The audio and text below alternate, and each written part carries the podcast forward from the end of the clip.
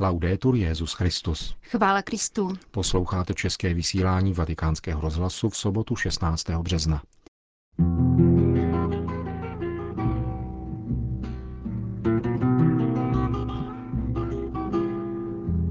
Papež František se setkal s novináři. Včera svatý otec navštívil hospitalizovaného kardinála Mechiu. Tisková konference mluvčího svatého stolce.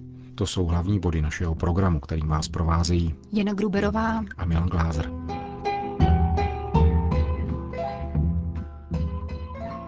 Zprávy vatikánského rozhlasu.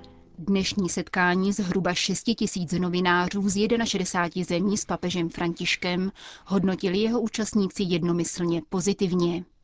Částečně improvizovanou promluvu svatého otce vám přinášíme v plném znění.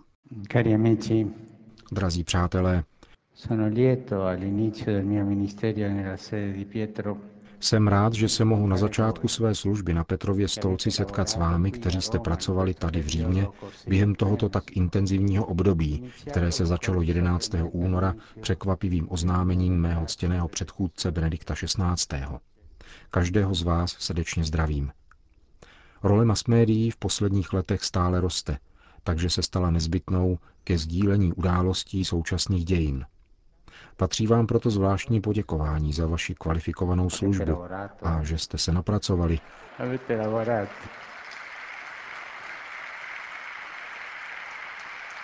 In questi giorni scorsi Během posledních dní, kdy byly oči katolického a nejenom katolického světa upřeny k věčnému městu a zejména k tomuto území, jehož těžištěm je hrob svatého Petra. V těchto týdnech jste měli příležitost mluvit o svatém stolci, o církvi, o jejich obřadech a tradicích, její víře a zvláště o roli papeže a jeho službě. un ringraziamento particolarmente sentito va a quanti hanno saputo osservare Zvlášť srdečné poděkování patří těm, kteří dovedli sledovat a prezentovat tyto události dějin církve v té nejsprávnější perspektivě, v níž mají být chápány, totiž v perspektivě víry. Dějiné události vyžadují téměř vždycky nesnadnou interpretaci, která někdy může obnášet dimenzi víry. Církevní události jistě nejsou komplikovanější než ty politické nebo ekonomické. Mají však svoji zásadní charakteristiku. Odpovídají totiž na logiku, která se z principu neodvíjí v tzv. světských kategoriích a proto není snadné interpretovat je a sdělovat širokému a rozmanitému publiku. Církev třeba, že je určitě také lidskou, historickou institucí se vším, co to sebou nese, totiž nemá politickou, nýbrž bytostně duchovní povahu. Je božím lidem, svatým božím lidem, který jde vstříc setkání s Kristem. Jedině v této perspektivě lze plně informovat o tom, co katolická církev dělá. Cristo è il pastore della Chiesa, ma la sua presenza Kristus je pastýřem církve, ale jeho přítomnost v dějinách prochází svobodou lidí, z nichž jeden je zvolen jako náměstek, nástupce a poštola Petra. Ale Kristus zůstává středem. Nikoli Petrův nástupce, ale Kristus je středem. Kristus je zásadním opěrným bodem, srdcem církve. Bez něho by Petr a církev neexistovali a neměli by ani proč existovat. Jak to opakoval často Benedikt XVI., Kristus je přítomen v církvi a vede ji. V tom všem, co se dělo, je v posledku protagonistou Duch Svatý. On inspiroval rozhodnutí Benedikta XVI. pro dobro církve, on vedl kardinály v modlitbě a volbě. Je důležité, drazí přátelé, mít neustále na paměti tento interpretační horizont, tuto hermeneutiku, aby byla pozornost zaměřena k jádru dění těchto dnů. Da chi nasce anzitutto un rinnovato e sincero ringraziamento per le fatiche Odtud plyne moje vděčnost a upřímný dík za námahy těchto obzvláště náročných dnů, ale také pozvání ke stále lepšímu poznávání opravdové povahy církve a také jejího putování světem s jejími ctnostmi i hříchy a poznávání duchovních motivací, jimiž je vedena a které jsou nejautentičtější pro její pochopení. Můžete si být jisti, že církev věnuje velkou pozornost vašemu dílu. Máte schopnost zhrnout a vyjádřit očekávání a požadavky naší doby poskytovat opěrné body pro interpretaci reality. Vaše práce jako tolik jiných profesí vyžaduje studium, vnímavost a zkušenosti, ale také zvláštní pozornost vůči pravdě, dobrotě a kráse. A to nás velice zbližuje, protože církev existuje právě proto, aby sdílela pravdu, dobrotu a krásu in persona. Mělo by se jasně ukázat, že jsme všichni povoláni sdílet nikoli sami sebe, ale tuto existenciální triádu, která je tvořena pravdou, dobrotou a krásou. Eh, Někdo nevěděl, proč si dal biskup Říma jméno František. Někteří mysleli na Františka Ksaverského, na Františka Sáleského, také na Františka z Asízy. Řeknu vám jednu příhodu. Při volbě jsem seděl vedle emeritního biskupa ze São Paulo a také emeritního prefekta pro klérus kardinála Claudia Humese, velkého přítele, velkého přítele. Když začaly věci vypadat nebezpečně, utěšoval mne. A když hlasy stouply na dvě třetiny, nastal obvyklý aplaus, protože byl zvolen papež. On mne objal, políbil a řekl mi, nezapomeň na chudé. A toto slovo mi utkvělo v mysli. Chudí, chudí. Potom se mi v této souvislosti vybavil František z Asízy. Pak se myslel na války a skrutinium pokračovalo až do sečtení všech hlasů. A František byl člověkem pokoje. A tak vstoupilo do mého srdce toto jméno. František z Asízy. Člověk chudoby, člověk pokoje, člověk, který má rád a chrání stvoření. V současné době máme vůči stvoření vztah ne právě dobrý, že? František je člověkem, který nám dává tohoto ducha pokoje. Je chudým člověkem.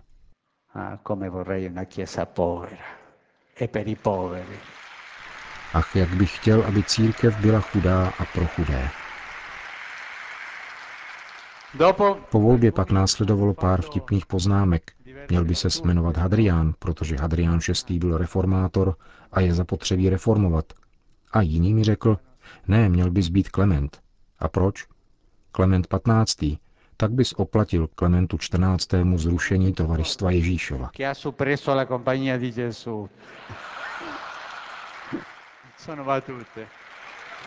To jsou žerty.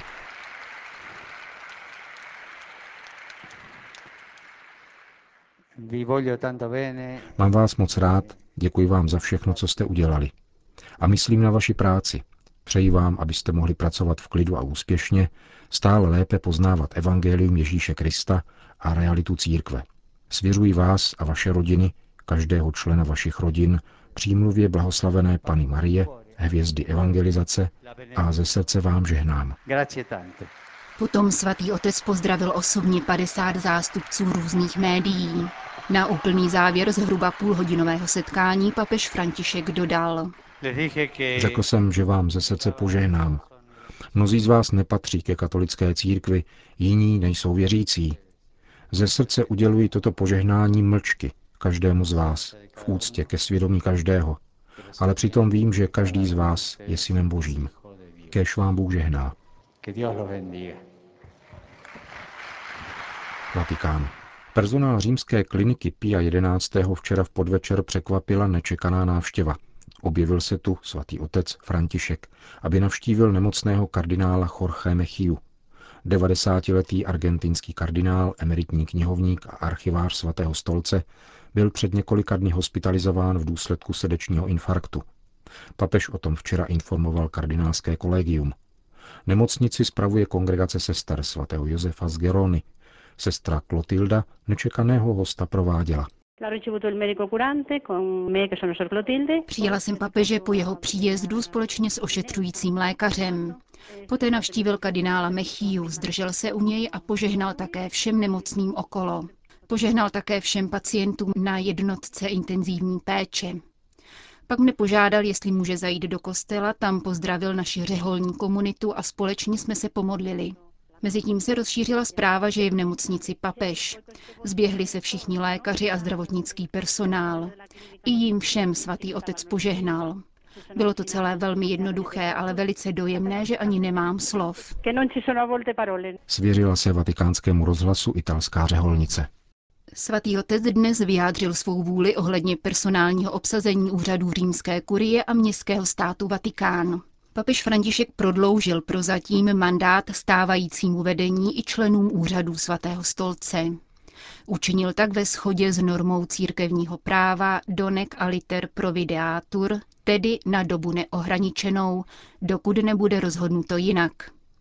Svatý otec vyjádřil touhu vyhradit určitý čas reflexi, modlitbě a dialogu předtím, než přikročí k jakémukoliv jmenování nebo definitivnímu potvrzení v úřadu. Přizpůsobujeme se novým podmínkám, nezakrýval otec Federico Lombardi na pravidelném briefingu. Nedostáváme předem připravené texty v různých jazycích a tím spíše musíme pozorně sledovat, co se říká. Platíme tak trochu za tuto velkou spontánnost a přímý způsob komunikace, kterými se vyznačují první dny pontifikátu. Vatikánský tiskový mluvčí potvrdil, že i hned po volbě papež telefonoval apoštolskému nunciovi v Argentině arcibiskupovi Čerigovi. Tyto zprávy jsou pravdivé. Papež nunciovým prostřednictvím vyzval argentinské biskupy a věřící, aby nejezdili do Říma na zahájení pontifikátu. Cesta je dlouhá a nákladná, telefonoval papež. Ať na místo výdajů za cestu věřící věnují peníze na chudé. Kdo svatého otce zná, považuje tuto výzvu za zcela normální a odpovídající jeho stylu.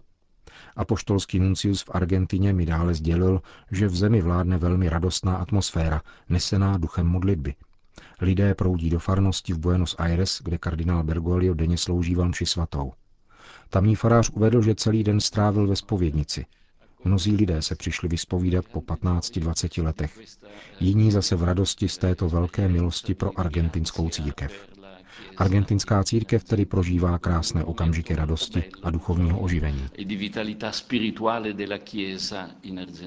Méně radostná je mediální kampaň, která nového papeže viní ze spolupráce s argentinskou vojenskou chuntou v 70. a 80. letech minulého století. Otec Lombardy k ní podal své oficiální vyjádření. La campagna contro Bergoglio è ben nota e risale già diversi anni fa. Kampaň proti otci Bergogliovi je dobře známá, neboť začala již před mnoha lety. Vede ji tisk specializovaný na mnohdy lživé a pomlouvačné kampaně, jejíž antiklerikální forma je zjevná. Obvinění se vztahují k době, kdy otec Bergoglio ještě nebyl biskupem, nýbrž představeným jezuitů v Argentině, a ke dvěma kněžím, kteří byli uneseni a kterým údajně neposkytl ochranu. Vůči otci Bergoliovi nikdy nebyla vznesena věrohodná obvinění. Argentinské soudy otce Bergolia jednou vyslýchali jako osobu informovanou o událostech, avšak z ničeho jej neobžalovali. Je prokázáno, že otec Bergoglio obvinění popřel. Existuje naopak množství prohlášení, která dokazují, nakolik se otec Bergoglio zasadil o ochranu mnoha lidí v době vojenské diktatury. Je rovněž známo, že po svém jmenování biskupem podporoval žádost o omluvu argentinské církve za to, že se proti režimu dostatečně neangažovala. Pomluvy na otce Bergolia jsou příkladem, jak levicové antiklerikální elementy za využití historicko-sociologické analýzy diktátorského režimu církev léta osočují. Musí být rozhodně zamítnuty. Na papežovu obranu vystoupil známý obhájce lidských práv Adolfo Pérez Esquivel. 81-letý nositel Nobelovy ceny za mír uvedl pro španělskou redakci BBC, že vojenský režim měl své komplice v některých biskupech. Otec Bergoglio k ním však nepatřil. Jak poukázal vatikánský tiskový mluvčí, argentinský pacifista zrovna nenáleží mezi tradiční příznivce církve a jeho prohlášení je tudíž nutné věnovat pozornost. Otec Franz Jalič, který je jedním ze dvou unesených kněží, zveřejnil své prohlášení na internetových stránkách německé jezuitské provincie. Zdůraznuje, že mohl tehdejší událost prohovořit s otcem Bergoliem, mezi tím arcibiskupem Buenos Aires, s odstupem mnoha let. Poté jsme společně veřejně slavili mši svatou, při které jsme se slavnostně objali. Popisuje německý jezuita, který ze své strany považuje celou kauzu za uzavřenou.